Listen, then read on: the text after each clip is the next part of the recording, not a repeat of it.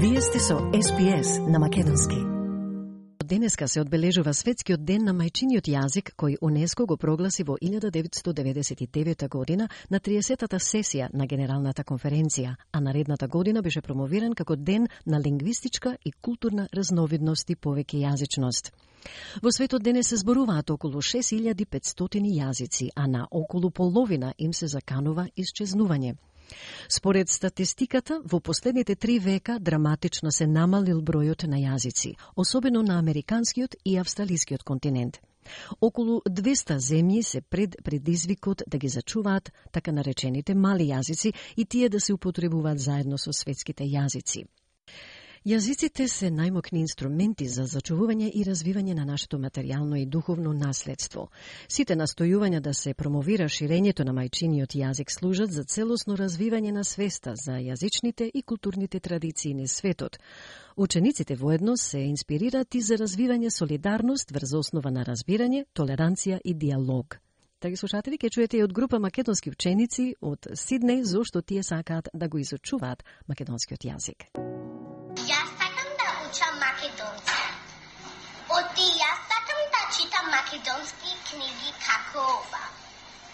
Сите ми велат дека јас личам како Нина во, во ова книга. Јас сакам да бидам добра како Нина. Здраво, јас сум Анастасија. Јас најмногу сакам да учам македонски, дека јас ќе читам македонски книги и да јадам македонски јадиње Да како мазник, зелник и кифли.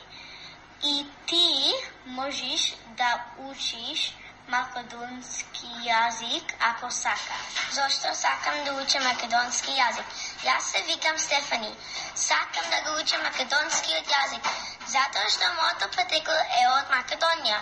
За да ја посетувам државата во која се родени моите родители, Требам да го учам македонскиот јазик кој од срце го сакам. Зошто сакам да учам македонски јазик? Убаво прашање. Благодарам.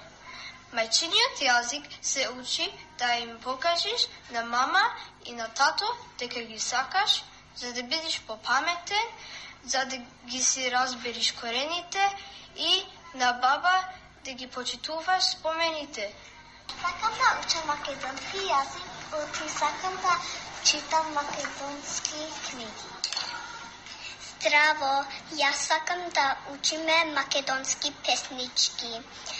Играта на Мими. Си игра Мими со iPad-от мини. Го притиска си смее, си зборува си пее. Срекна е Мими во царството, на игри патува.